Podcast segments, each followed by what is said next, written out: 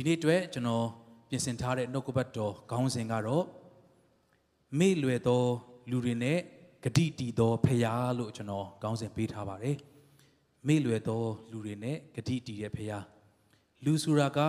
ကျွန်တော်တို့မေ့လွယ်တယ်လို့ပြောရင်ဟာငါကအဲ့လောက်မဟုတ်ပါဘူးလို့ကျွန်တော်တို့စဉ်းစားရင်စဉ်းစားမိလိမ့်မယ်ဒါပေမဲ့တခါလေကျွန်တော်တို့မထင်ထားတာလေးတွေကျွန်တော်တို့เนาะဒီကိစ္စတော့ငါဘယ်တော့မှမေ့မှာမဟုတ်ဘူးအဲသို့မဟုတ်တတင်ရသွားတယ် ကိုကိုကူညီခဲ့တဲ့လူတယောက်ဒီလူတော့ငါဘယ်တော့မှမေ့မှာမဟုတ်ဘူးဆိုပြီးတော့ဒါပေမဲ့နေ့အတန်ကြာတဲ့အခါပြန်တွေ့တဲ့အခါစဉ်းစားတယ်နော်သူ့ကိုဘယ်မှာတွေ့ဘူးလဲမသိဘူးနော်တော်တော်နဲ့စဉ်းစားပေမဲ့ခေါင်းထဲမှာမပေါ်တော့နော်တခါလေကြာတဲ့ချို့တွေရှိရလေနော်သူတို့ကလည်းစာမွေးစစ်တာပေါ့ကျမကိုမှတ်မိလားကျွန်တော်ကိုမှတ်မိလားဆိုတော့အာမှတ်မိတာဗောကိုကလည်းနော်ဖော်ပြီးတော့မှမှတ်မိတာဗောနာမည်ပြောအာသွားပြီနော်ဘယ်မှာစုံတာလဲပြောဆိုပို့ဆိုနော် ပြောလိုက်တော့မှအာငါလုံးဝမမေ့သင့်တဲ့သူပါလားငါ့ကိုဘယ်တော့မှဘယ်တော့မှကူညီထားတာနော်ဆိုတော့ကျွန်တော်တို့လူတွေဟာတကယ်တော့တော်တော်လေးမေ့လွယ်တယ်ဘုရားရဲ့ကျေးဇူးတော်တွေလည်းကျွန်တော်တို့ရေတွက်ရင်းနဲ့ပဲတစ်ခါလေးနော်ကျွန်တော်တို့မေ့လွယ်တယ်မေ့လွယ်တယ်ဆိုတဲ့အခါမှာကျွန်တော်တို့တတ်မှတ်ထားတဲ့မေ့တာမျိုးလည်းဖြစ်တယ်လို့ကျွန်တော်တို့အပြစ်တင်ရင်းနဲ့ဘုရားရဲ့နော်မဆာပို့ဆောင်နိုင်တဲ့လက်တော်ကိုကျွန်တော်တို့ကမေ့လျော့တတ်တဲ့အချိန်ရှိတယ်နော်အနားမှာရှိသူပြုံးပြုံးလေးနဲ့မေ့လွယ်သလားလို့ပြောကြည့်ပါအောင် ဖခင်ရဲ့ကျေးဇူးတော်နဲ့ဖခင်ရဲ့တတ်နိုင်တော်မူခြင်းကိုဘယ်တော့မှမမေ့တော်သူများဖြစ်ဖို့ဘုရားရှိခိုးကြီးပေးပါစေဟာလေလုယာဟာလေလုယာလူဆိုအရင်မေ့လွယ်တယ်เนาะကျွန်တော်ကဟာတာအတူထွာလေးလေเนาะပြောရတာဝါသနာပါတော့နော်တခါကိုခရစ်စတိုဝါလာဘယ်သူလဲမသိကျွန်တော်ပြောတဲ့ဟာတာဆွေရှိုးတခုမှတီးကြတယ်တဲ့တီးတော့အာကေတာတီးသမားတွေကလည်းလက်ဆွမ်းပြဖို့เนาะပြင်ဆင်နေတာ အဲ့နဲ့ဆိုတဲ့သူပြောတယ်ငါတို့ဂျားထဲမှာလက်ဆန်းပြမယ်နော်တဲ့ဟာတီးတဲ့သူကပြလေဒါဆိုကျွန်တော်မိတ်ဆက်လိုက်မယ်နော်ပြပေါ့အဲ့တော့ဆိုပြီးတော့ဆိုလိုနေရာလဲရောက်ရောအာသူအဲ့မှာခေါ်လိုက်တာဂစ်တာဆိုခေါ်လိုက်တာဂစ်တာထွက်လာပြီးတီးတာအကြာကြီးပဲတီးတာတဲ့မပြီးနိုင်ဘူးဟာပြီးတော့ keyboard ဆိုအာ keyboard နဲ့ကြာကြီးတီးတာအာ drum bass ကြာလွန်းလို့တော့ဘာဖြစ်သွားလဲဆိုတော့ तू ဘာတချင်းဆိုနေမှန်းကိုမသိတော့ဘူးဆိုတဲ့တချင်းမှမေ့သွားတာကြာလွန်းလို့ နော်ဒါပေမဲ့ကြာတယ်ဆိုတော့အရင်နိုင်နဲ့ချီတာမဟုတ်မိနစ်ပိုင်းပဲကြာတာဒါတောင်မှဆိုတဲ့တချင်းကိုမေ့သွားတာနော်အဲ့ဒါနဲ့ဘာဘာလဲဘာဆိုရမလဲဘာဆိုရမလဲတီးတဲ့သူပြန်မေးတာ तू ဘာတချင်းဆိုလဲဆိုတော့မေ့သွားတာနော်ကျွန်တော်တို့လည်းဟိုတလောလေးရမှာပဲနော်ဖះစကားပြောထားတယ်ဟိုတလောကမှာပဲဖះရဲ့မဆခြင်းကိုကျွန်တော်မြင်ရတယ်ဒါပေမဲ့အခုချိန်မှာဘာမှနော်မကြုံဘူးသူတို့တို့ဖះရဲ့လက်တော်ကိုကျွန်တော်တို့ကတန်တရားတွေရှိလာတယ်ဒီနေ့ ဖရားရဲ့မဆခြင်းကိုသင်မမေ့လျော့ဘဲနဲ့လာမယ့်အနာဂတ်ကိုယုံကြည်ခြင်းနဲ့နော်ရှောက်လန်းနိုင်တော်သူဖြစ်ဖို့ဘုရားရှင်ကောင်းကြီးပေးပါစေ။ဆိုတော့ဒီနေ့မှာကျမ်းပိုက်လေးတွေကျမ်းပိုက်လေးတွေကျွန်တော်တို့နော်ပြီးထားတာတော့နည်းနည်းများတယ်ဒါပေမဲ့မြန်မြန်လေးကျွန်တော်တို့အာတန်တူကြောင်းကွဲအဖြစ်ပြက်လေးတွေပါပဲလို့နော်ဆိုတော့အရင်ဆုံးနော်ထွတ်မြတ်ဝါကျမ်းအခန်းကြီး73အငယ်27နဲ့22ကိုကျွန်တော်တို့ကြည့်ချင်တယ်။ဖတ်ကြည့်အောင်1နဲ့3 သူတို့သည်နေညသွားနိုင်အောင်ထာဝရဘုရားသည်နေ၌ကလမ်းပြဖို့မိုးတိမ်တိုင်အားဖြင့်၎င်းည၌ကအလင်းပေးဖို့မိတိုင်အားဖြင့်၎င်းသူတို့ရှေ့ကကြွတော်မူ၏နေ့အချိန်၌မိုးတိမ်တိုင်ညအချိန်၌မိတိုင်ကိုသူတို့ရှေ့မှာရုပ်သိမ်းတော်မမူဒါကဘာကိုပြောတာလဲဆိုတော့ဖခင်ကဂတိပေးပြီးတော့မှမင်းတို့ကိုနှုတ်နဲ့ပြားရည်စီးတဲ့ပြီကိုငါခေါ်သွားမယ်လို့ဂတိပေးတဲ့ဖခင်က သူဂတိကို तू အမြဲတမ်းတည်တော်ဖခင်ဖြစ်တယ်ဟာလေလုယာခေါ်လာပြီးတော့မှအဲငါတို့တော့အဲ့လိုကြီးခက်ခဲမှမထင်လို့နော်ဆိုပြီးတော့မှဘွာတေးလုပ်ပြီးတော့မှ sorry ပြောတဲ့ဖခင်မဟုတ်ဘဲနဲ့ तू ခေါ်ဆောင်လာတဲ့လူဘလောက်များတယ်လေအဲ့ဒီလူတွေကဘလို့မှအသက်ရှင်နိုင်မလဲဘလို့ဆိုရင်လမ်းခရီးကိုကောင်းမွန်စွာသွားနိုင်မလဲဆိုတာကောင်းကောင်းသိသောဖခင်ကနီလန်မျိုးစုံနဲ့ပို့ဆောင်သောဖခင်ဖြစ်တယ်အာမင်ဆိုတော့ နော်နေမှာမိုးတိမ်တိုင်နဲ့ညမှာမီးတိုင်နဲ့နော်ကြမ်းတက်တွေပြီးတော့နော်ကျွန်တော်တို့စမ်းစာဖိုင်လဲနားလေတယ်ကျွန်တော်တို့ဒါသူတို့ရဲ့ဒေတာအခြေအနေရကြည့်တဲ့အခါမှာနော်တဲကန်တော်ရဖြစ်တဲ့အခါမှာနေ့မှာအယမ်းပူပြီးညမှာအယမ်းအေးတဲ့တဲကန်တော်ရကိုတွားရတာဖခင်ကအဲ့ဒါကိုမေ့မထားဘူးဖခင်ကလစ်လူမရှိဘူးငါခေါ်လာတာပဲကွာမင်းတို့အစင်ပြေသူတို့လာလိုက်ခဲ့အဲ့လိုမပြောဘူး 2023ကိုရောက်စေသောဖခင်က2023အစကနေအဆုံးတိုင်အောင်ဂတိတည်စွာပို့ဆောင်မဲ့ဖခင်ဖြစ်တယ်ဟာလေလုယာဟာလေလုယာအနားမှာရှိသူပြောရအောင်ဖခင်ကဂတိတီးပါတယ်လို့ပြောရအောင်အာမင်စဉ်းစားကြည့်နော်တခါမှမရှိဘူးသေးတဲ့နီလန်းနဲ့သူတို့ကိုပို့ဆောင်တာနေ့လေအယံပူတဲ့အချိန်မျိုးမှာသူတို့ကိုလမ်းပြတာလေးပဲမဟုတ်ဘူးနော် မိုးတိမ်ကသွားပြီးသွားရင်သူတို့ကသွားတယ်ရက်ရင်သူတို့ကတဲပြီးထိုးပြီးနေတယ်အဲ့လိုမျိုးအဲ့ဒီလမ်းပြတာတခုလောက်မဟုတ်ပဲနဲ့အယံနေပူတဲ့ကန္နာရအလဲမှာအရေးအဖြစ်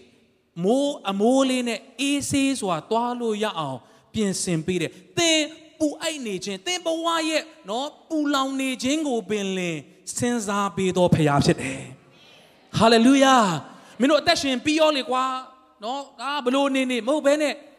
သွားတဲ့ချိန်မှာလမ်းပြဖို့လဲတာဝန်ကျေသလိုနော်အုံမိုးပြီးတော့မှမိုးတိမ်တိုင်နဲ့ပို့ဆောင်တယ်ညကြတော့အရန်အေးပြန်ရောပြီးတော့နော်မြင်ရဖို့ခက်ခဲတဲ့အခါမှာမီးတိုင်ကြီးနဲ့ပို့ဆောင်တယ်နှွေးသောဓာတ်ကိုလည်းပေးသလိုအကောင်းဆုံးသောလမ်းပြခြင်းတခါမှမရှိသေးတဲ့နီလန်းနဲ့တင့်ကိုပို့ဆောင်တယ်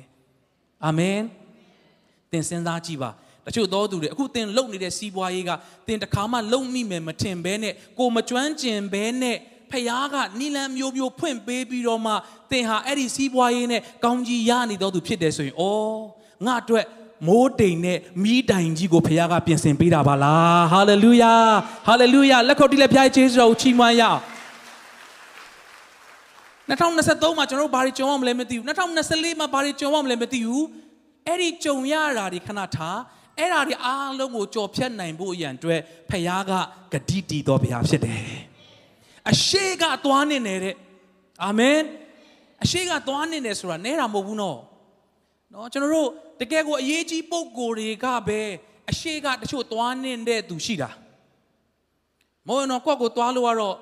နော်တခါကြရင်လမ်းတွေမှာအာနော် ambulance ကားတွေပဲတွေ့ရင်နောက်ကနေကတ်လိုက်ရတာနော်ကို့မှာအဲ့လိုမျိုးအရှိကသွားပြီးတဲ့သူမရှိတော့နော် လူနာတင်တွေပဲတွေ့ရင်မြန်မြန်သွားလို့ရတယ်ဆိုတော့အဲ့နောက်ကနေကတ်လိုက်ကြတာလေဒါပေမဲ့ဒါကအမှန်မဟုတ်ဘူးတကယ်အရေးကြီးတဲ့ပုံကိုယ်တွေကြတော့အရှိကနေလမ်းရှင်းတဲ့သူတွေရှိတယ်သွားနေတဲ့သူတွေရှိတယ်အရှိကကြိုသွားပေးတယ်ဆိုတာက VIP တွေကိုပဲနော်လုတ်ပေးတဲ့အရာဖြစ်တယ်သင်ဟာဖခင်အတွက် VIP ဖြစ်တယ်ဟာလေလုယာသင်အတွက်တကူးတကအရှိကနေသွားပေးတာကလူတယောက်မဟုတ်ဘူးနော်အဖွဲ့အစည်းတစ်ခုလောက်မဟုတ်ဘူး ဖယားကိုတော်တိုင်အရှိကနေတင့်တွက်သွားပေးတာဟာလေလုယာသင်ဟာဖယားရဲ့မျက်စိထဲမှာအယံအရေးကြီးတော်သူဖြစ်ပါတယ်အာမင်အနားမှာရှိသူပြောရအောင်သင်ဟာဖယားမျက်စိထဲမှာအယံအရေးကြီးဖြစ်တယ်လို့ပြောရအောင်အာမင်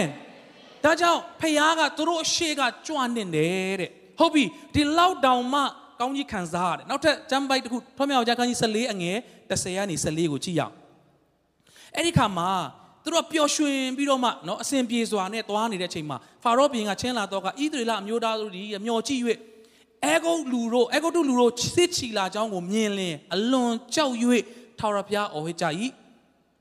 မောရှေကိုလည်းအိုအဲဂုတ်တို့ပြည်၌သင်္ချိုင်းမရှိသောကြောင့်ဤတော၌သေစေခြင်းကငါတို့ကိုဆောင်ခဲ့သလိုငါတို့ကိုဤသို့ပြု၍အဲဂုတ်တို့ပြည်မှာအဘဲကြောင့်ဆောင်ခဲ့သနည်းဒီလောက်မရှိဘူးတဲ့ပုံစံကြီးနဲ့သူ့ကိုသူတို့ကိုခေါ်ဆောင်နေတဲ့ဖခင်ကို ရန်သူလဲတွေ့ရောသူတို့ကထာဝရဘုရားကိုအော်ဟစ်ပြီးတော့မှမောရှေကိုပြစ်တယ်အယံမေ့လွယ်တယ်ဟာလေလုယာဒီနှုတ်ကပတ်တော်အပြင်သင်ရဲ့တက်တာထဲမှာဖခင်ပြောသောစကားများကိုကြားတော်နေဖြစ်ဖို့ဘုရားရှင်ကောင်းကြီးပေးပါစေ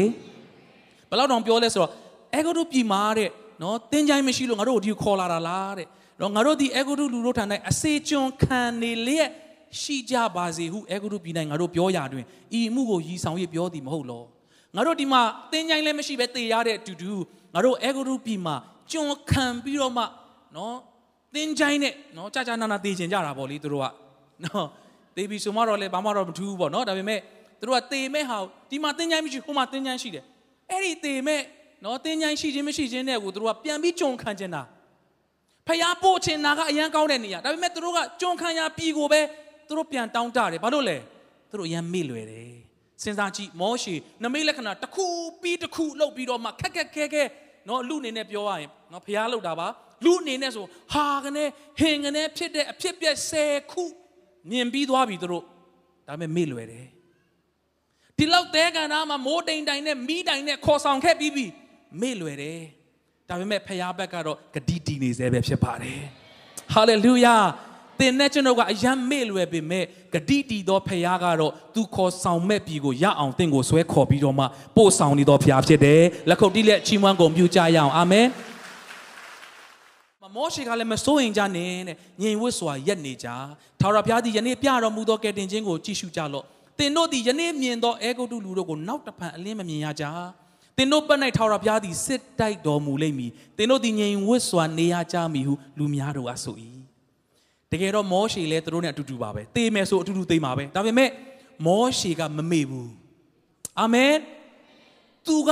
ဘသူမှမရှိပါဘူးဒါပေမဲ့ခြုံပုတ်လေးထဲမှာဖះပြောထားသောစကားကို तू မမေ့ဘူးငါလူမျိုးတွေကိုငါကဲထုတ်မယ်သူတို့ငိုတာငါကြားတယ်ဒါကြောင့်မင်းကငါဆေလို့ပြီးတော့မှနော်ကြုံခံရပြီးကနေငါကဲနှုတ်မယ်ဆိုတဲ့ဖះပြောသောစကားကိုမောရှေမမေ့တဲ့အတွက်ဘာဆိုတာမမြင်ရသေးတဲ့ချိန်မှာတော့နှုတ်ကနေထွက်လာတာကယုံကြည်ခြင်းစကားပဲထွက်လာတယ် ဟာလေလုယာကျွန်တော်တို့ကတော့မြင်နေရပြီမယုံသေးဘူးနော်ဥမာအကောင်လိုက်မြင်နေရပြီကျွန်တော်တို့မယုံသေးဘူးမောရှေကတော့ဘာမှမမြင်ရသေးဘူးယုံကြည်တယ်ဘယ်တော့မှမမေ့ဘူးဟာလေလုယာဒီနေ့သင်မမြင်ရသေးတော့လဲဖယားကိုယုံကြည်ပြီးတော့မှဖယားရဲ့ပို့ဆောင်ခြင်းကိုမမေ့လျော့တော့သူဖြစ်ဖို့ဖျားရှင်ကောင်းကြီးပေးပါစေ။ထွတ်မြောက်အကျမ်း14အငယ်21ကနေเนาะကျွန်တော်တို့ကြည့်မယ်။ အဲ့ဒီခါမှာမောရှေသည်ပင်လယ်ပေါ်မှာလက်ကိုဆန့်၍ထာဝရဘုရားသည်တညလုံး၌အာကြီးသောအရှိလေအားဖြင့်ပင်လယ်ရေကိုလှန်ပြန်၍မြေကိုပေါ်စေတော်မူသည်နှင့်ရေသည်ကွဲပြက်လျက်ရှိ၏။ဣသရေလမျိုးသားတို့သည်ပင်လယ်လယ်၌မြေပေါ်မှာရှောက်သားရှောက်သွားကြ၍ရေသည်သူတို့လက်ရဘက်လက်ဝဲဘက်မှာကြောက်ထရန်ကဲ့သို့ရှိနေ၏အေဂုတုလူများဖာရောဘုရင်၌ပါသောမြင်းယထာမြင်းစည်းသူရဲ့ပေါင်းတို့သည်ပင်လေအလေသို့လိုက်ဝင်ကြ၏ နက်နက်ရန်၌ထာဝရဘုရားသည်မိမိုးတိမ်တိုင်အားဖြင့်အေဂုတုတက်ကိုကြည့်ရှု၍နှောက်ရှက်တော်မူ၏သူတို့ယထာအသွားခတ်စေခြင်းကယထာဘိန်းများကိုချို့တဲ့စေတော်မူ၏အေဂုတုလူတို့ကအလေဣသရေလလူတို့ထံမှပြေးကြစို့ထာဝရဘုရားသည်သူတို့ဘက်အေဂုတုလူတစ်ဖက်၌စစ်တိုက်သည်ဟုပြောဆိုကြ၏ဟာလေလုယာဒါလည်းဖြစ်ဘူးနေကြမဟုတ်တဲ့နောက်ထပ်ကြီးမားသောဘုရားရဲ့လက်တော်ထင်ရှားလာတယ်သူတို့ကြောက်နေတဲ့ပင်လယ်ကြီးကိုခွဲပလိုက်တယ်ဘယ်ဘက်ညာဘက် နော်ကြောက်ထရန်တွေလိုဖြစ်သွားပြီးတော့မှအလဲတဲ့တဲ့ကနေရှောက်ခွင့်ရတယ်ဘလောက်ကြီးမားတဲ့ဘုရားရဲ့ပို့ဆောင်ခြင်းလဲဒီနေ့ကျွန်တော်တို့ဓာတ်ရိုက်မှုတ်တော့လဲစဉ်းစားကြည့်ပါသင်ဘယ်နှခုနှစ်တုန်းကဘလောက်ကြောက်စရာကောင်းတဲ့ပြဿနာမကြမ်းမာခြင်းလားအကျွေးလားသို့မဟုတ်နော်အခက်ခဲပြဿနာဘယ်တော့မှ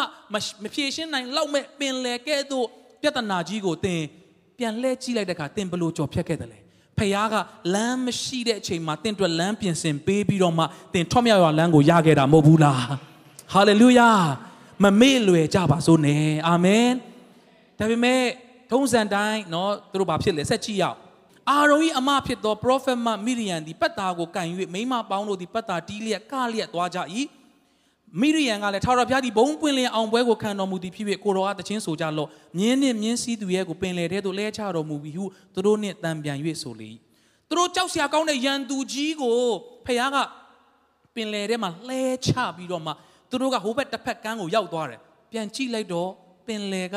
ဖုံးအုပ်သွားပြီးသူတို့အရင်တော့ကြောက်ခဲ့တဲ့ရန်သူကရှာလို့တော့မတွေ့တော့ဒီနေ့သင်အရင်တော့ကြောက်ခဲ့တဲ့ပြဿနာလေးပြန်ကြည့်လိုက်တော့ရည်စရာလိုပြန်ဖြစ်တဲ့အထိဖခင်ကသင်ကိုပို့ဆောင်ခဲ့တယ်မဟုတ်ဘူးလား ဟာလေလုယာဟာလေလုယာအဲ့ဒီခါမှာသူတို့ဘာလုပ်လဲမောရှေရဲ့မမိရိယန်ကပတ်တာနော် tempering တီးပြီးတော့မှသူတို့ရဲ့ရိုးရာကိုင်းနဲ့ဖြစ်မှာပေါ့တချင်းတွေဆိုပြီးတော့မှအာဆိုကြဟေးဆိုပြီးတံမြိုင်ဆိုကြတယ်ငါတို့ကိုနော်ဒုက္ခပေးတဲ့စစ်သူရဲ့အကုန်လဲကျသွားပြီအကုန်လုံးရှင်းသွားပြီဆိုပြီးအာရပါရတချင်းတွေဆိုကြတယ်တဲ့ဆိုပြီးတော့မှမစိုးဘူးထွတ်မြောက်ခြင်းအဲ့ဒါက21မှာပြီးတယ်22မှာကြည်ရအောင်ထို့နောက်မောရှေသည်ဣသရေလလူတို့ကိုအေဒုံပင်လယ်မှဆောင်းသွား၍ သူတို့သည်ရှုရတော်သို့ရောက်ကြ၏ထိုတော်၌၃ရက်ခရီးသွား၍ရေကိုမတွေ့ရကြမာရအရက်သို့ရောက်သောအခါမာရရေသည်ခါသောကြောင့်မတောက်တိုင်ကြထို့ကြောင့်ထိုရက်ကိုမာရဟုသမုတ်ကြသည်လူများတို့သည်မောရှေကိုအဖြစ်တင်၍မိတန်းလေးအဘယ်သို့တောက်ရပါမည်နည်းဟုဆိုကြ၏မောရှေသည်ထာဝရဘုရားအော်၍ထာဝရဘုရားသည်တစ်ပင်တပင်ကိုပြတော်မူ၏ထိုပင်ကိုရေထဲသို့ချပြီးလင်ရေသည်ချိုလေ၏ထိုရက်၌သူတို့ကိုစုံစမ်း၍စီရင်ထုံးဖွဲ့တော်မူသည်ကားတဲ့ သူတို့ပျော်ရွှင်စွာနဲ့နော်တမရင်းတွေတီးပြီးတော့ကတယ်ကတယ်ကတယ်အဲ့မှာ၃ရက်လဲနေရောရေမရှိဘူးရှိတဲ့ရေကလည်းအရန်ခါတယ်နည်းနည်းတော့များသွားပြီဟာဒီလောက်ငါတို့ပို့ဆောင်တဲ့ဖခင်ကတခုခုတော့လုံမှာပါခဏဆောင်ရအောင်လို့တော့တရားမှမပြောချက်ချင်းអော်ပြီးတော့မှဆဲကြတာသုံးရက်ပဲရှိသေးတယ်နော်ဖဖျားကြီးမားစွာသူတို့ကိုပို့ဆောင်ခဲ့တာမေ့သွားတယ်ဒီနေ့တင်ကြီးတွားနေသလား မနေ့ကဖျားရဲ့ပို့ဆောင်ခြင်းကိုအရင်စဉ်းစားကြည့်ပါဦးဟာလေလုယာဒီနေ့တင်ညီးတွားနေသလားမနစ်ကဘုရားရဲ့ပို့ဆောင်ခြင်းကိုစဉ်းစားကြည့်ပါဦးနောက်နှစ်အတွက်သင်စိုးရိမ်နေသလားဒီနေ့အချိန်မှာဘုရားရဲ့ပို့ဆောင်သောလက်တော်ကိုသင်စဉ်းစားကြည့်ပါမနေ့ပြန်အတွက်သင်ရဲရင်ခြင်းရှိလာမှာဖြစ်တယ်ဟာလေလုယာဟာလေလုယာဒါကြောင့်ဘုရားကမနေ့ယနေ့နောင်ကာလတိုင်အောင်လို့အမြဲတမ်းပြောတာကျွန်တော်တို့မေ့လွယ်မှန်သိလို့ပါ ကျွန်တော်တို့ကဒီနေ့အစမပြေဘူးဆိုတခါတည်းငိုတယ်တခါတည်းအော်ဟစ်ပြီးတော့မှဘုရားကိုပြစ်တင်တယ်တခါတည်းဘုရားကိုမကောင်းပြောတယ်အနုလက္ခဏာတန်းထွက်လာတယ်မနေ့ကမှဘုရားကကျွန်တော်တို့ကိုပို့ဆောင်ထားတာအာနာစရာတောင်ကောင်းတယ်အာမင်နားမှာရှိသူပြုံးပြုံးလေးနဲ့တခါလေဘုရားကိုအာနာစရာကောင်းတယ်လို့ပြောရအောင်အာမင်နော်သူဆရာတွေပြောသလိုငါသာဆိုရင်တော့နော်အဲ့ဒါကြောင့်လေနော် ကျွန်တော်တို့ကအဲ့လိုဖြစ်တာပေါ့လေနော်ဆိုတော့ကျွန်တော်တို့သာဆိုရင်တော့နော်တခုခုတော့လုံမိတော့မယ်နော်ဒီလောက်နော်ကိုကိုမယုံကြည်သလိုခဏတော့စောင့်အောင်ပေါ့ဖခင်ကတခုခုလုံနိုင်မှာပါလောက်တော့ယုံယုံတဲ့တယ်လေဒီလောက်ရှေ့မှာလောက်ခဲ့ပြီးပြီဒါပေမဲ့အယမ်းမေ့လွယ်တယ်၃ရက်တောင်မခံဘူးချက်ချင်းအပြစ်တင်တယ်ဘလောက်ဝမ်းနေစရာကောင်းတယ်လေထွတ်မြောက်ကျမ်းခန်းကြီး16အငယ်1နဲ့3 ရေချိုသွားတော့လေအာခြေတက်သွားပြန်ရောသူတို့ကအဲ့ကဒီမှာထိုတောနဲ့ဣသရေလမျိုးသားပြိတ္တပေါင်းတို့ကတဲ့နောက်တစ်ခုထပ်ကြုံရတယ်ငါတို့ဒီအဲဂရုပြည်၌အမဲသားချက်သောအိုးကင်းနာမှာထိုင်၍ဝါစွာစားရသောအခါထာဝရဘုရား၏လက်တော်ဖြင့်သေလင်တာ၍ကောင်း၏ယခုမူကားဤစည်းဝေးလက်ရှိသောလူပေါင်းတို့သည်ငတ်မွတ်ခြင်းအပြင်တက်လို့သောငါဤတော်ရသို့ဆောင်ခဲ့ပြီးတကားဟုမောရှေနှင့်အာရုံကိုအဖြစ်တင်၍မိတန်းလျက်ဆိုကြ၏တဲ့မချသေးဘူးနော်ဘလို့မှမချိုနိုင်တဲ့ရေကို ချိုစေတဲ့ဖခင်ရဲ့လက်တော်ကိုမြင်ပြီးမကြဘူးသူတို့ရဲ့ရိတ်ခါတွေပြတ်သွားတယ်သူတို့စားခဲ့ဘူးတဲ့အမဲသားတွေတတိရတဲ့ခါမှာငါတို့တဲ့ဟိုးကြုံခံရပြီးမာတဲ့နော်သူတို့ကဟိုအရွယ်ဆောင်းလေးကလည်းရသေးတယ်နော်ရေးတာတခါကျရင်ကျွန်တော်တို့ယုံကြည်သူတွေကလည်းပို့ပြီးရွက်တက်တယ်ဆောင်းတက်တယ်နော်ဆိုတော့သူတို့ဘယ်လိုပြောလဲဆိုတော့ဒီလိုကွာတဲ့ငါတို့ ဟိုပြီးမှာကြုံခံရပြီးမှာတဲ့အမဲသားအိုးနာမှာရေးလဲစားရင်းနဲ့ဖျားလက်နဲ့တေသွားတာပိုမိုက်တယ်တဲ့နော်စကားပြေနဲ့ပြောရရင်မဲသားစားရင်းနဲ့ကိုတေသွားတာပိုကောင်းတယ်ဖျားလက်နဲ့တေလိုက်ချင်သေးတယ်သူတို့ကနော်ရွဲ့တာပေါ့လေအများခေါ်လာပြီးတော့နော်ဒီမှာကျွန်တော်တို့ဘာမှလည်းမစားရဘူးဟိုမှာကြုံခံပြီးတော့မှစားရင်းနဲ့ဖျားလက်တော်နဲ့တေရင်တော့မှကောင်းအောင်မယ်တဲ့ဘယ်လောက်စော်ကားတယ်လဲဖျားဒီလောက်ပို့ဆောင်ထားတာသင်ကျွန်တော်ရဲ့အသက်သင်ရဲ့အသက်ဘယ်လောက်ရှိပြီလဲတစ်နှစ်ပြီးတစ်နှစ်ရေတွက်ကြည့်ပါ ကျွန်တော်တို့ပြစ်တင်စကားတခွန်ပြောတိုင်းဟိုးအတိတ်မှာဖျားပို့ဆောင်ခဲ့တာဘယ်လောက်နော်ကျွန်တော်တို့အာနာစရာကောင်းတယ်လဲဘယ်လောက်မေ့လွယ်တယ်လဲဒီနေ့ချက်ချင်းမမေ့လွယ်တော့သူများဖြစ်ဖို့ဖျားရှင်ကောင်းကြီးပေးပါစေဟာလေလုယာနော်အဲ့ဒီခါမှာသူတို့ကထိုခါတဲ့ထာဝရဘုရားကကြည့်ရှုလို့ငါဒီတင်တို့ဖို့မိုးကောင်းကင်ကမုံမိုးကိုရွာစေမယ်တဲ့ဘုရားကလေနော်ကျွန်တော်တို့သာဆိုရင်နော် ဟုတ်ပြီအဲ့ဆိုလဲမင်းတို့ပြန်ကြကြုံခံပြီးတော့အဲ့မှာသွားစားပြီးတေကြလို့ကျွန်တော်ပြောလွတ်လိုက်မှာ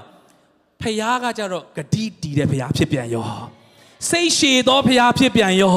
မေတ္တာကြီးမားသောဖះရထားလို့ကျွန်တော်တို့ဖះရဲ့လက်ကျေးဇူးတော်လက်ခုပ်တီးလက်ချီးမွမ်းကြရအောင်အာမင်ဟာလေလုယာမုံကိုမစိုးမပို့မဟုတ်ဘူးတဲ့နော်ဖះကရွဲ့တာတော့မဟုတ်တော့ဘူးနော်အများကြီးပေးမယ်လို့သူကဂတိပေးလိုက်တယ်မုံမိုးကိုရွာစေမယ်တဲ့ လူတို့ဒီနေ့တိုင်းထွက်၍တနေ့စားလောက်အောင်သိမ်းယူရကြမယ်ငါဤတရားတိုင်းကျင့်ပြီလို့မကျင့်လောဟုထို့သောအပြင်သူတို့ကိုငါစုံစမ်းမိတဲ့နေတိုင်းသိမ်းယူသောအရာထက်6ရက်မြောက်သောနေ့၌နှစ်ဆကိုသိမ်းယူ၍ပြင်ရကြမည်ဟုမောရှေအားမိန့်တော်မူ၏တဲ့အဲ့ဒီမှာဘုရားကအစီအစဉ်တစ်ခုလှုပ်လာလှုပ်လာတဲ့အခါမှာဖခင်ကနော်သူ့ကိုဘလောက်ယုံကြည်စိတ်ချတယ်။ तू ပြောတာနဲ့ဘလောက်နာခံတယ်လဲဆိုတာကိုလည်း तू ကနော်စမ်းသက်ရင်းနဲ့ နေတိုင်းသူတို့စားဖို့လောက်တဲ့မုံမိုးကရွာစေမယ်တဲ့။အားဒီခါမှာနော်မုံမာနမုံနေပေါ့နော်။ကြလာတယ်။တော့သူတို့ကဟာဘာလဲဘာလဲဘာလဲဆိုပြီးတော့မှသူတို့မမြင်ဘူးတော့သူတို့တစ်ခါမှမတွေ့ဘူးတော့မုံတွေကိုနော်အဘယ်ယာနီးကိုမသိတော့ကြောင့်တယောက်ကိုတယောက်မေးကြ යි ။ဒါကြောင့်မာနအလုံးသိပြီးသားပါနော်မာနမုံရဲ့အတိတ်ပဲကဘာလဲ။နော်သင်ဒီလိုကြီးဘလို့ဖြစ်တာလဲလို့ သင်အံ့ဩရလောက်အောင်ဖခင်ကသင်ကိုကောင်းကြီးပေးတော်ဖခင်ဖြစ်တယ်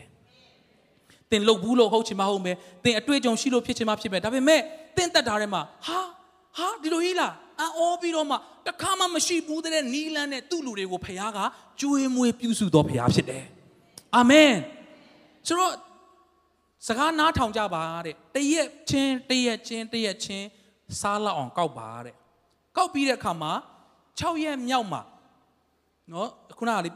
ပြန်ပြပေးပါ6ရက်မြောက်နေ့မှာတက်ဆကိုတင်းယူ၍ပြင်ရကြမယ်တဲ့နော်ဘာလို့လဲဆိုတော့အငယ်မနော်ထွမြောက်ကျမ်း16အငယ်15ကနေဆက်ပြပေးပါ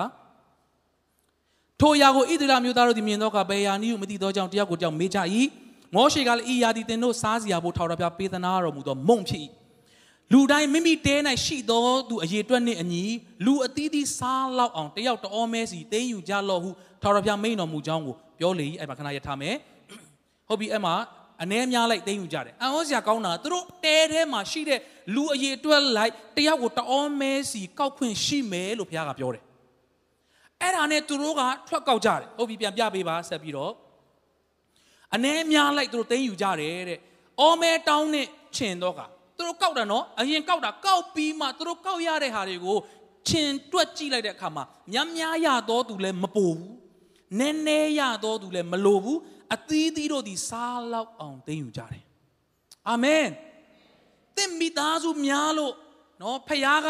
ဟာဒီမိသားစုတော့မလောက်ဘူးမဟုတ်ဘူးအ ਨੇ အများလိုက်လောက်အောင်စားလို့ရတဲ့မုံတွေကိုရွာချပေးသောဂတိတီသောဖခင်ကကျွန်တော်တို့ကိုးကွယ်သောဖခင်ဖြစ်တယ်ဟာလေလုယာဟာလေလုယာ ဟာများများကောက်ပြီလို့လည်းမပိုသွားဘူးတဲ့နည်းနည်းလေးကောက်ပြီလို့လည်းမလိုသွားဘူးတဲ့ဒီနေ့ဖခင်ကတင့်ကိုနော်ဆရာတော်မနေလည်းအများတန်းပြောသလိုအသက်မွေးလောက်သောအစာဆိုတာနော်မြင်ရတဲ့အစာအတော့ပဲမဟုတ်ပဲနဲ့တင့်အတွက်ဘာလိုအပ်တယ်လဲအသက်ရှင်ဖို့အတွက်လိုအပ်တဲ့တနေ့လိုအပ်တဲ့အရာတွေကိုလုံလောက်စွာထောက်ပံ့ပေးနိုင်သောဖခင်ကဂတိတည်သောကျွန်တော်တို့ရဲ့ဖခင်ဖြစ်တယ်ဟာလေလုယာဟာကြုံရကောက်ကြတာကောက်တာတော့လေကြုံရကောက်ကြတာဒါပေမဲ့ တွက်လဲတွက်ကြည့်လိုက်ရောဖခင်ပြောထားတဲ့အတိုင်းဟာအိမ်တဲထဲမှာရှိတဲ့သူအလိုက်တအောမဲစီကွက်တိရတယ်သင်စိုးရိမ်နေပေမဲ့သင်အများကြီးလုံနိုင်လို့ပိုသွားမှာလည်းမဟုတ်သလိုသင်နည်းနည်းလေးပဲလုံနိုင်လို့လိုသွားမှာမဟုတ်ဘူးဖခင်ရဲ့ဂျေဇုတော်ကြောင့်သင်တို့မိသားစုလုံလောက်ရသောခွင့်ကိုဖခင်ကပေးမှာဖြစ်တယ်ဟာလေလုယာလုံလောက်ခြင်းပိတ်တဲ့ကိုယေရှုနာမနဲ့ကြေညာပါတယ်ယုံကြည်ခြင်းနဲ့ဝန်ခံကြရအောင်အာမင်သင်များကြီးလုံနိုင်လို့ပိုမယ်လို့မထင်ပါနဲ့ ဖခင်ရွာချပေးလို့သာသင်ကောက်နိုင်တာဖြစ်ပါတယ်ဟာလေလုယာနော်အဲ့ဒီခါမှာတချို့တွေကနားမထောင်ဘူးတဲ့နော်မောရှေကလည်းနက်နက်တိုင်အောင်အဘယ်သူမှမကြံစေနဲ့လို့ဆိုတော်လေအချို့တို့ဒီမောရှေစကားကိုနားမထောင်ပဲနက်နက်တိုင်အောင်ကြံစီသဖြင့်ပိုးဖြည့်၍နန်းလေတော့မောရှေဒီမြတ်ထွက်ဆိုတော့ဘာပြောချင်တာလဲဆိုတော့နော်ကျွန်တော်တို့လည်းကြိုက်မယ်ထင်ပါတယ်သူတို့ကကြာလာဒီနေ့ကြာလာတယ်ဟေးလှုပ်ထားအောင်နည်းနည်းလေးခြံထားလိုက်မနေ့ပြန်ကြာချင်းမှကြာလာမှာနော်ตา လေးနည်းနည်းလေးခြံထားလိုက်မောရှေကမခြံနဲ့မခြံနဲ့ဒီနေ့အတွက်စားမနေ့ပြန်မှကြာလာမယ်အဲ့ဒါမပြောလို့လည်းဖြစ်ဖြစ်မယ်ဒါပေမဲ့သူတို့ကတိတ်မယုံရဲဘူးစဉ်းစားကြည့်ဒီလောက်တခါမှမရှိဘူးတဲ့မုံမိုးကြီးရွာစေတာမနဲ့ပြန်ထက်ရွာပေးမယ်လို့မယုံရဲတာနော်ဘလောက်နော်ခေါင်းခောက်ချင်စရာကောင်းတယ်လဲဆိုတော့နော်ကျွန်တော်တို့ဆိုရင်လူပဲဆိုရင်တော့မှဥပမာ ဒီတစ်ခေါက်ဆိုဟိုကျွန်တော်ပြီးခဲ့တဲ့ခေါက်ဒီဘက်ကစင်ကာပူသွားတော့ကျွန်တော်တူမလေးနဲ့ကျွန်တော်အကိုနဲ့သူတို့မိသားစုနဲ့ဒီ East Coast ဘက်ကိုသွားတဲ့ခါမှာသူ့ဖေကနည်းနည်းလေးအလုပ်ရှုပ်နေတော့အဲ့ဟာဗန်ကင်နဲ့လာတော့ဆော့မယ်လို့ပြောတော့အဲ့နဲ့သူကအစတော့သူဟိုဟာလေးကိုကစားတဲ့နေရာမှာတွေ့ပြီးတော့ကစားရအောင်လုပ်ချင်တာအဲ့နဲ့သူကအစတော့ယုံသွားတာသွားပြီးတော့လမ်းတော့ချမ်းမှာ I don't think you can carry me တဲ့အာမနိုင်တော့ဘူးတဲ့နိုင်တယ်စိတ်ချ ကြည့်ပြီးတော့မယုံဘူးတဲ့သူ့ကိုမမနိုင်တော့ဘူးတဲ့နော်ဘာကိုကြည့်ပြီးပြောတာလဲတော့မသိဘူးနော်သူသူ့ဖေဘိုက်ကကျွန်တော်တက်ပိုကြည့်လို့လားတော့မသိဘူးဟာကျွန်တော်ပြောကျွန်တော်တော်လေးကိုတဲ့ငါနိုင်တယ်ငါမပေးမယ်ရဘာမှဖြူဆိုအာမလုပ်လို့အဖေပဲနိုင်ပါတယ်မလုပ်နဲ့တဲ့တော်တော်လေးမခံချင်စိတ်တောင်ဖြစ်သွားတယ်အာငါ့ကိုဘာလို့မယုံတာလဲအာရုပ်တရက်မပြလိုက်ရမလားပေါ့နော်လူအနေနဲ့ဆိုလေလုံးဝကို စိတ်ထဲမှာလေယုံစမ်းမှာငါတူမရဲ့ငါနေ့ကိုမနိုင်ပါတယ်ဘလောက်ပြောပြောမယုံဘူးတဲ့အဲ့ဒါနဲ့တော့ကြည့်အဲ့ဆိုကဲစပိန်စီးမလားအာ this one can အဲစပိန်လောက်တော့ရတယ်တဲ့အဲ့ဒါဆိုရတယ်တဲ့ကန်ကန်ကန်ဆိုပြီး तू ခွင့်ပြုသလောက်ကျွန်တော်ကသူ့ကိုလုပ်ပေးရတာမယုံဘူးကျွန်တော်သူ့ကိုနိုင်တယ်ဆိုတော့မယုံဘူးအဲ့ဒါတက်အစပေါင်းများစွာမနေ့ကပဲမုံမိုးရွာစေတယ်မနေ့ပြန်မရွာလောက်တော့ဘူးထင်ပြီးတော့မှတိမ့်ထားတဲ့ဖွဲ့တွေရှိသေးတယ် အဲ့လိုပြောလို့အစွန်းရောက်စွာဘာမှမစုဆောင်းနဲ့ပြောတာမဟုတ်ပဲနဲ့အဓိကဖျားပြောရင်ပြောတဲ့အတိုင်းယုံတော်သူဖြစ်ဖို့ရည်ကြည်တယ်အာမင်ဆိုတော့သူတို့ကမနှက်ပြန်အတွက်စိုးရင်ပြီးတင်ထားတာကြည်လဲကြည်လိုက်ရောမိုးတွေတက်ပြီးတော့မှစားလို့မရတော့ဒီနေ့ဖျားကိုယုံတော်သူများဖြစ်ဖို့ဖျားရှင်ကောင်းကြီးပေးပါစေမနေ့ကပြုတ်ခဲ့တဲ့နမိတ်လက္ခဏာကိုမြင်ရရက်နဲ့မနှက်ပြန်မှာစိုးရင်ခြင်းကိုဆက်တယ်သွားအောင်မလား နော်ကျွန်တော်တို့အရင်တော့ငယ်ငယ်တော့ကျွန်တော်အမေကအရန်စိုးရင်တက်တော့အဖေကပြောတယ်မင်းကွာငါတို့နော်ဘယ်လောက်စိုးရင်လဲဆိုတော့ तू ကနောက်မရောက်သေးတဲ့အချိန်မဖြစ်သေးတဲ့ဟာတော့က तू ကကြိုပြီးစိုးရင်တာစိုးရင်တော့အဖေကမင်းစိုးရင်တော့အတိုးကြိုယူပြီးတော့မှမစိုးရင်ပါနဲ့ကွာငါတို့အခုတောင်မှတော်တော်လေးလုံလောက်နေပြီနော်ဒီနေ့အတွက်မဟုတ်နောက်နှစ်လောက်အတွက်အထိကိုကြိုပြီးတော့မှအကျွေးယူပြီးတော့မှကြိုပြီးစိုးရင်ထားတာဖခင်ကပြောတယ်မောရှေအဖြစ်လုံးဝမကြံစည်နဲ့စားတာစား ဆိုတော့ပြောချင်တာလေဟာရသမျှအကုန်စားမယ်အဲ့လိုပြောတာမဟုတ်ပဲနဲ့ကျွန်တော်ဖတ်သွားရအောင်ခုနစံစာလေးပြန်ပြန်ပြပေးပါဆက်သွားပါထိုသူတို့အတီးတီးတို့ဒီနေ့တိုင်းမိမိတို့စားလောက်သမျှကိုသိမ်းယူကြ၏နေပူသောခါအရေးဖြစ်လေ၏6ရက်မြောက်သောနေ့၌မုံနှစ်ဆဒီဟူသောတယောက်နှောမဲစီသိမ်းရကြ၏6ရက်မြောက်လဲကြောက်ထူးထူးဆန်းဆန်းတော့သူတို့အရင်တော့တယောက်ကိုဥမာတဲထဲမှာ10ယောက်ရှိတယ်ဆိုရင်10အောမဲအဲ့လိုကွက်တိဖြစ်နေတာ6ရက်နေ့ကျတော့သူတို့ကောက်လိုက်တော့တယောက်ကို2အောမဲဖြစ်နေတာ နော်သူတို့ကောက်နိုင်လုံးလို့လည်းမဟုတ်ဘူးနော်သူတို့ရှာနိုင်လုံးလို့မဟုတ်ဘူးသူတို့ကောက်လိုက်တာနှစ်အောမဲစီနှစ်အောမဲစီဖြစ်နေတာဒါနဲ့အဲ့ဒီအကြောင်းကိုတဲ့ပြိသက်အုပ်ပေါင်းတို့ကမောရှေကိုတော့ပြောတယ်မောရှေဒီနေ့ထူးဆန်းနေတယ်အရင်တော့ကတအောမဲစီပဲကောက်လို့ရတာဒီနေ့ကနှစ်အောမဲကောက်ရနေတယ်ဘလို့ဖြစ်တာလဲလို့ပြောတဲ့အခါတဲ့သူကလည်းနက်ပြန်နေသည်ထာဝရဘုရားရှိ၌တန်ရှင်းသောဥပုံနေငြိမ်ဝတ်စွာနေရသောနေဖြစ်၏မုံကိုပေါင်းခြင်းသည်တိုင်းပေါင်းကြလောပြုတ်ခြင်းသည်တိုင်းပြုတ်ကြလောကြံသောຢာကိုနက်နက်တိုင်အောင်စောင့်၍တူထားကြလောထာဝရဘုရားမိန်တော်မူကြောင်းကို ပြန်ပြောလေ၏မောရှေမှာထားသည်တိုင်းနက်နက်တိုင်အောင်တူထားကြ၏နန်ချင်းနှင့်ကင်းလို့၏ပိုးလဲမရှိတဲ့မောရှေကလည်းကြံသောຢာကိုယနေ့စားကြလော့ယနေ့သည်ထာဝရဘုရားဥပုံနေဖြစ်၏ယနေ့တွင်ထိုຢာကိုတော၌မတွေ့ရဘလောက်စနစ်ကြပြီးတော့မှလှပတဲ့ဖရားရဲ့လက်တော်လေဟာလေလုယာသူတို့ကောက်တာတအားကောက်နိုင်လို့လို့မဟုတ်ဘူးနော်ဒါပေမဲ့နှောမဲရနားတော့မလဲဘူး သွားတော့မေးရတယ်ဆိုတော့သူတို့ကောက်နိုင်လုံးလို့ရတာမဟုတ်ဘူးသေးကြတယ်နှောမဲအလိုလိုရနေတာအဲ့ဒါနဲ့သွားမေးတော့မောရှေကနောက်နေ့ကခုနှစ်ရက်မြောက်နေ့ကဥပုံနေ့ဖြစ်တဲ့ခါမှာအဲ့ဒီနေ့မှာမင်းတို့လှုပ်ရှားမလို့အဲ့ဒီနေ့အတွက်ကြိုပြီးတော့ပေးတာတဲ့ဟာလေလုယာနော်ကျွန်တော်တို့အစွန်းရောက်စွာနဲ့နော်ဘာသာရေးဆန်စွာပြောတာမဟုတ်ပါဘူးဒါပေမဲ့တချို့သောသူများအခုမဖြစ်သေးဘူးဆိုလဲပန်းတိုင်ထားပြီးဆုတောင်းပါတနင်္ဂနွေနေ့မှာ အာခေမီတိုးတက်လာလေလေနိုင်ငံတွေမှာနှစ်ဆတွေသုံးဆတွေခရစ်စမတ်နေ့ဆိုဘယ်နှဆရတယ်နော်အာဘယ်နေ့ဆိုရင်ယုံပရက်တွေဘယ်လိုနေ့ဆိုရင်ပိုရတယ်ပိုပြီးတော့မှခေစားလာတယ်ဒါပေမဲ့ယုံကြည်ပါသင်ကောက်နိုင်လုံးလုံးမဟုတ်ဘဲနဲ့ဖခင်ကသင်အတွက်အဲ့ဒီအချိန်အတွက်ပါကြိုပြီးကောက်ခွင့်ဖခင်ကပေးနိုင်တယ်ဆိုတာယုံကြည်ထားပါဟာလေလုယာ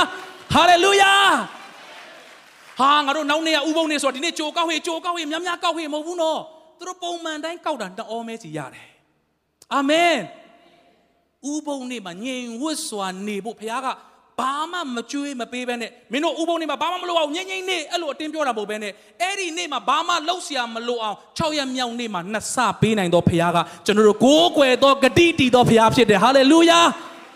ဒီနေ့သင်အလုပ်တစ်ခုရှိတဲ့အခါတနင်္ဂနွေနေ့သို့မဟုတ်ဖျားရှိခိုးရဲ့အချိန်ဖျားအတွက်ပေးမဲ့အချိန်မှာ နော်လောကအနေနဲ့ဟာပို့ပြီးအောင်မြင်နိုင်စရာပို့ပြီးတော့မှတိုးပွားနိုင်စရာရှိဒါပေမဲ့စိတ်ချလိုက်ပါသင်ပုံမှန်တိုင်းကောက်တာကောက်လိုက်နှစ်ဆဖျားကကြိုပေးနိုင်တယ်ဖျားဟာလေလုယာဒါကြောင့်ဂတိတီတော်ဖျားကလှပစွာလုပ်တယ်။အော်ငါတို့ကိုနော်အဲ့အတွက်ပေးတာပါလား။အဲ့ခါကျဘာလုပ်လဲဆိုတော့မောရှေကတိန်းထားကြတဲ့။ပြောချင်တာကျွန်တော်တို့အများတန်းပြောသလို balancing ရှိတယ်။ရာသမျှစားစားစားအကုန်စားမဟုတ်ပဲနဲ့မောရှေကအဲ့ဒါကြတော့တိန်းထားတဲ့။ဥပုံနေ့အတွက်မင်းတို့ပြုတ်ရင်လည်းပြုတ် ချက်ရင်လည်းချက်ဒီတိုင်းပဲအဆင်ပြေသလိုလှုပ်ပြီးတော့မှတိန်းထားပါတဲ့တချို့တွေကယုံခြင်းမယုံမှာဟာဟိုတစ်ခေါက်လည်းငါတို့တိန်းထားတာမှုတက်တယ်လေအဆင်မပြေဘူးလေဒါပေမဲ့ဖះပြောတဲ့အတိုင်းမနေ့ကကြည့်လိုက်တော့မို့လည်းမတက်ဘူးအနံ့လည်းမထွက်ဘူးစားလို့ရနေစေဖြစ်တယ်ဟာလေလုယာဘလောက်ဂတိတည်တဲ့ဖះကိုရထားတာလေအဲ့ဒီဖះကသူတို့ဖះပဲမဟုတ်ဘူးယနေ့သင်တဲ့ကျွန်ုပ်ရဲ့ဖះဖြစ်တယ်လက်ခုပ်တီးလက်ဖះကိုချီးမွမ်းရအောင်ဟာလေလုယာဟာလေလုယာ ဒါကြောင့်ဂတိတီလွန်းတဲ့ဖခင်ကတောထဲမှာမို့လို့အစင်မပြေလို့ဒီလိုလေးအစင်ပြေသူလှုပ်လိုက်ရတယ်မဟုတ်ဘူးစဉ်းစားကြည့်နော်တန်းနဲ့ချီတဲ့သူတွေတိန်းထားတဲ့မုံကိုမပုတ်မတိုးအောင်ကျွန်တော်ရေခဲတစ်တာထဲမှာသို့မဟုတ်တစ်ခုခုမှထည့်ထားမယ်ဆိုရင်ဘလောက်ကြီးတဲ့ရေခဲတစ်တာလို့မလဲစဉ်းစားကြည့်လက်တွေ့ကြကြမလိုဘူး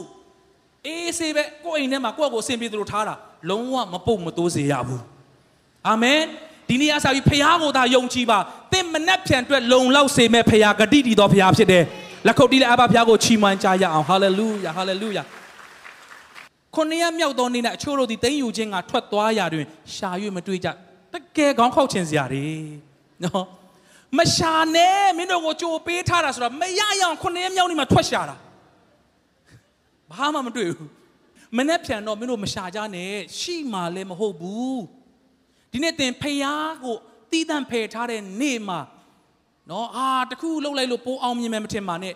အောင်မြင်ခြင်းအစစ်မှန်ကိုပေးနိုင်သောဖခင်ကဘယ်နေ့မှဘယ်ချိန်မှမဟုတ်ဘူးအချိန်တိုင်းပေးနိုင်သောဖခင်ဖြစ်တယ်ဟာလေလုယာဒါကြောင့်တချို့တွေကနားမထောင်ဘူးခုနှစ်ရက်မြောက်မှာရအောင်ထွက်ရှာတယ်ဒါပေမဲ့ဘာမှမတွေ့ခါလီပဲပြန်လာ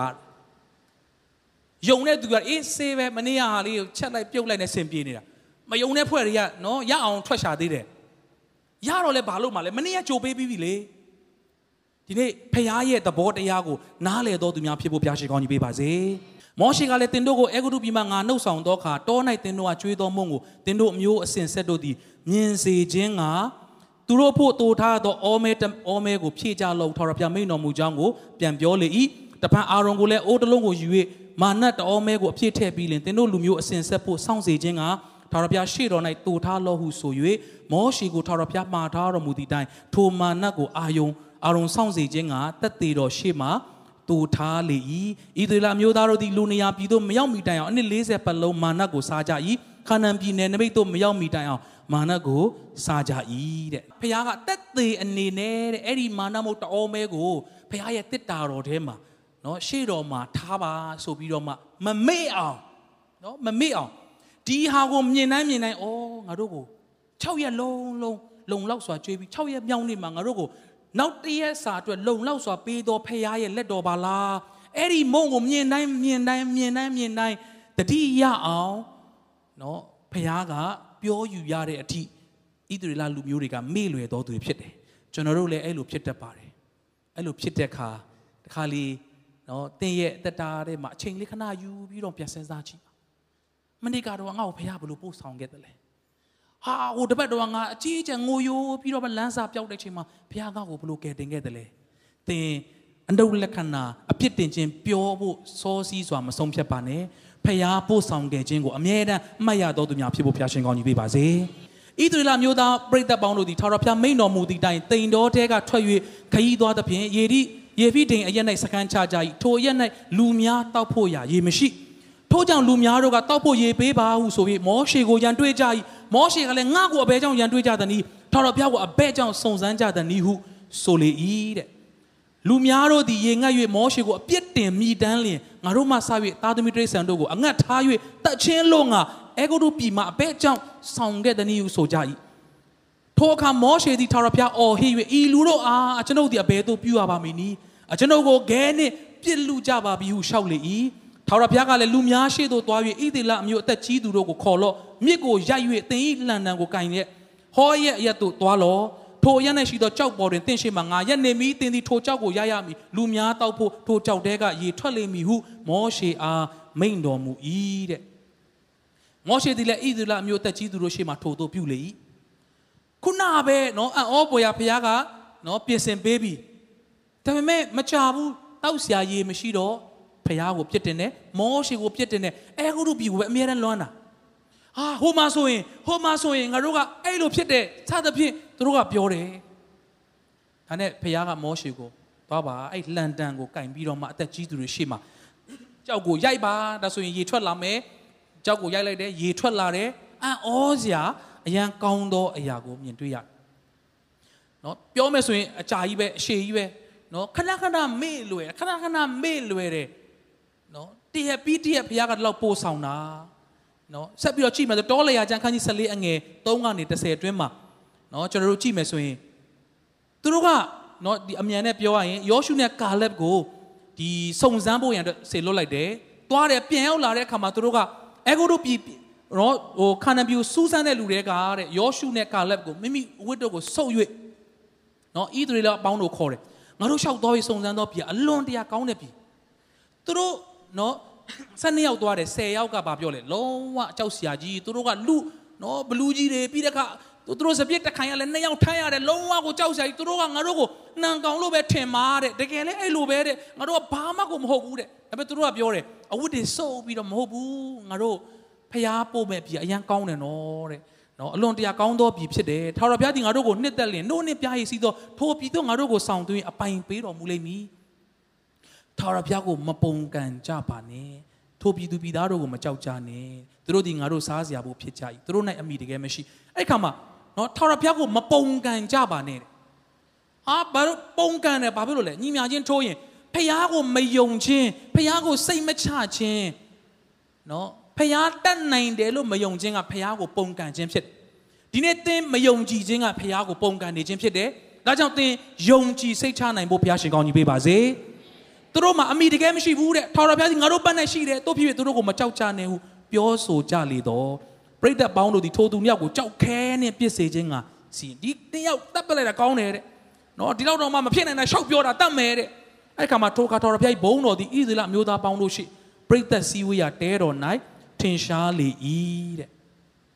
နော်ဖခင်ကထင်ရှားပြီးပြရတဲ့အထိသူတို့ကမယုံနိုင်လွန်းလို့ကြောက်ခဲနဲ့ပြစ်ပြီးတတ်ဖို့အထိလှုပ်လာတယ်နော် ဆိုတော့ဒါဓမ္မဟောင်းတွေကပေါ့လေဆိုတော့ဒီရှင်းမတဲ့အထက်မှာကျွန်တော်တို့တစ်ချက်သွားရအောင်တပည့်တော်ဒီကန်းတစ်ပတ်တို့သွားကြတော့ကမုံကိုယူချင်းကမေ့လျော့ကြ၏ယေရှုကလည်းဖာရိရှဲနဲ့ဇဒ္ဒုကဲတို့၏တဆေးကိုတတိနှင့်ကျင်ဆောင်ကြဟုမိန်တော်မူ၏တပည့်တော်တို့ကလည်းငါတို့၌မုံမပါသောကြောင့်ဤစကားကိုမိန်တော်မူသည်ဟုအချင်းချင်းဆွေးနွေးပြောဆိုကြ၏ဒီမှာခဏရထားရအောင်ယေရှုကကဲတက်ကြသွားမယ်ဆိုလေပေါ်တက်သွားကြပြန်ပြီအဲ့လိုမျိုးပေါ့ခီးစဉ်တွေဆွဲဆိုတော့ ဟိုးမကြခင်မှပဲမုံငါးလုံးနဲ့ငါးတကောင်အပြင်လူ9000ကိုကျွေးခဲ့တယ်ဟာသူတပည့်တော်ရန်သဘောကျဒါနဲ့သွားတဲ့ခါကျတော့လမ်းမှာယေရှုကဖာရိရှဲတွေနဲ့ဇတ်တုကဲတွေနော်တဆေးမုံတဲမှာပါတဲ့တဆေးကိုသတိထားပါဆိုပြောတော့သူတို့ကဘာပြောလဲဆိုတော့ဟာငါတို့မုံမပါတာနော်ဖေယေရှုကတိသွားတယ်ထင်တယ်ပြောချင်တာကယေရှုဟိုဘက်ကန်းရောက်လို့နမိတ်လက္ခဏာတစ်ခုလုံးမယ်ဆိုရင်ငါတို့မုံမပိုင်ဘယ်လိုလုပ်မလဲမုံမပိုင်သွားပြီ နော်သူတို့ဆရာအဆက်ကွဲတော့မှများထင်နေသလားမသိဘူးသူတို့ကမုံမပါလို့ဆိုပြီးတော့မှဒါနဲ့ယေရှုသိတော်မူလို့ယုံကြည်အားနေသောသူတို့သင်တို့သည်သင်တို့၌မုံမပါသည်ကိုထောက်ရအဘဲကြောင့်အချင်းချင်းဆွေးနွေးပြောဆိုကြသနည်းတဲ့မုံငါးလုံးကိုလူ9000စား၍စားကျွင်းဘဏ္ဍတောင်းကောက်သိန်းဒီကို၎င်းသင်တို့ဒီနှလုံးမသွင်းမအောင်ဝေပဲနေကြသေးသလောတဲ့ဟောမကြသေးခင်ကမှဘလို့ကျွေးမွေးခဲ့တယ်လဲဆိုတော့မင်းတို့မေ့နေသလားတဲ့ တခါလေကျွန်တော်တို့ကဖခင်ကကုံချမ်းရှိမှကုံချောထုံနိုင်မယ်လို့ကျွန်တော်တို့ထင်တတ်တယ်ဒီနေ့ဖခင်ကလိုအပ်ရင်ကုံချမ်းမလိုဘဲနဲ့ကုံချောထုံနိုင်တော့ဖခင်ဖြစ်တယ်ဟာလေလုယာဟာလေလုယာစကြဝဠာတွေဂျိုးတွေတခုခုနဲ့ချိတ်ဆွဲထားရင်တော့မသေးချဘူးဒါပေမဲ့ဖခင်ရဲ့လက်တော်ကဘာနဲ့မှချိတ်ဆွဲစရာမလိုဘူးနော်လေဟာပြင်ထဲမှာဒီတိုင်းပဲရှိစေတဲ့ဖခင်ကဒါရှိမှဒါဖြစ်နိုင်မယ်ဆိုတာကို တဘာဝတရားအထက်မှာကြော်လွန်ပြီးလုံနိုင်သောဖခင်ကကျွန်တော်တို့ကိုးကွယ်သောဖခင်ဖြစ်တယ်လက်ခုပ်တီးလက်အဘဖခင်ကိုချီးမွမ်းရအောင်ဒါကြောင့်နော်စင်တူနှုတ်ကပတ်တော်တွေပါပဲ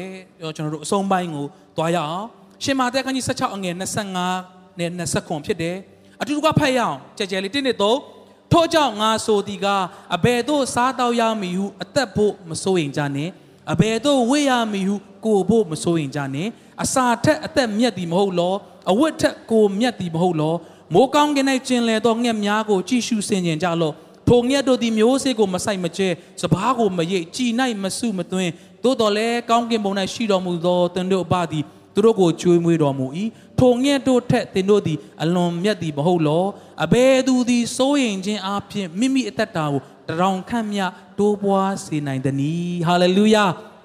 ဒီနှုတ်ကပတ်တော်ဒီတချို့သောသူတွေအတွက်ဓာတ်ရိုက်ကိုတော့ပြောသောနှုတ်ကပတ်တော်ဖြစ်တယ်ဆိုတော့ယုံကြည်ခြင်းနဲ့ဝန်ခံပါတယ်ယုံကြည်ခြင်းနဲ့အရာယူပါဟာလေလုယာ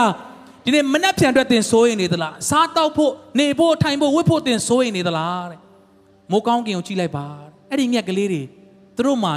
စုဆောင်းနိုင်လွန်းလို့အသက်ဆက်တာမဟုတ်ပါဘူးတဲ့စုစရာစပကြီးတွေမရှိပါဘူးလဲမှာလဲမဆိုင်ပြိုးပါဘူးဒါပေမဲ့တကောင်မြအချီးနီးမြေပေါ်ကိုမကြရဘူးမဟုတ်ဘူးလားတဲ့ အဲ့ဒီစာငက်ကလေးတွေထက်တန်ဖိုးပိုရှိတဲ့သင်တို့ကိုဖခင်ကမကြွေးပဲနေမလားတဲ့ဟာလေလုယာဟာလေလုယာဒါမဲ့ကျွန်တော်တို့ကစိုးရိမ်တယ်မနှက်ဖြန်အတွက်ဆိုသင်စိုးရိမ်လို့ရောဘာထူးလဲစိုးရိမ်ခြင်းဟာမယုံကြည်ခြင်းနဲ့ညီမျှခြင်းကြတယ်ဆိုတော့ကျွန်တော်တို့နားလည်ဖို့လိုတယ်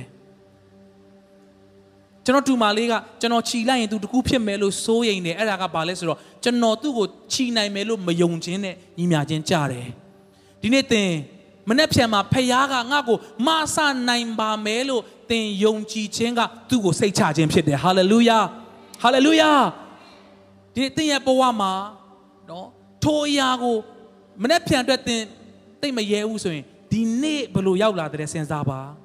ဒီနေ့ဒီပို့ဆောင်တော့ဖခင်ရဲ့ခြေဆုတော်ကိုသင်မြင်လာမယ်ဒီနေ့မှာသင်စိုးရိမ်နေတယ်ဆိုရင်မနေ့ကပို့ဆောင်ခဲ့သောဖခင်ရဲ့လက်တော်ကိုပြန်စဉ်းစားပါအာမင် မနေ့ကလည်းပို့ဆောင်တယ်ဒီနေ့လည်းပို့ဆောင်တယ်မနေ့ပြန်လဲပို့ဆောင်မဲ့ဖခင်ဖြစ်တယ်ဟာလေလုယာဟာလေလုယာဒါကြောင့်ဒီနေ့ကျွန်တော်တို့တက်တာထဲမှာကျွန်တော်တို့ကမေ့လွယ်တယ်ဒါပေမဲ့ဖခင်ကတော့ဂတိတည်တဲ့ဖခင်ဖြစ်တယ်အာမင်တချို့သောသူတွေသင်ဆုတောင်းထားတောင်သင်ကမေ့နေပြီဖခင်ကဘယ်တော့မှမမေ့တော့ဖခင်ဖြစ်တယ်အာမင် သင်ကတော့မေ့နေတဲ့သင်ရဲ့ယူပါယုံတွေပြည့်စုံစေတာကဂတိတည်သောကျွန်တော်တို့ကိုးကွယ်သောဖခင်ဖြစ်တယ်ဒီနေ့မေ့လွယ်သောကျွန်တော်တို့ကိုပြစ်မထားဘဲဂတိတည်သောဖခင်ကသူပို့မဲ့ပြည်ကိုရောက်တဲ့အထိသင်တဲ့ကျွန်တော်အရောက်စီတိုင်းကိုပို့ဆောင်မယ်ဆိုတာယုံကြည်ခြင်းနဲ့လက်ခံပါအရောက်စီတိုင်းဖျားရှင်ကောင်းကြီးပေးပါစေ။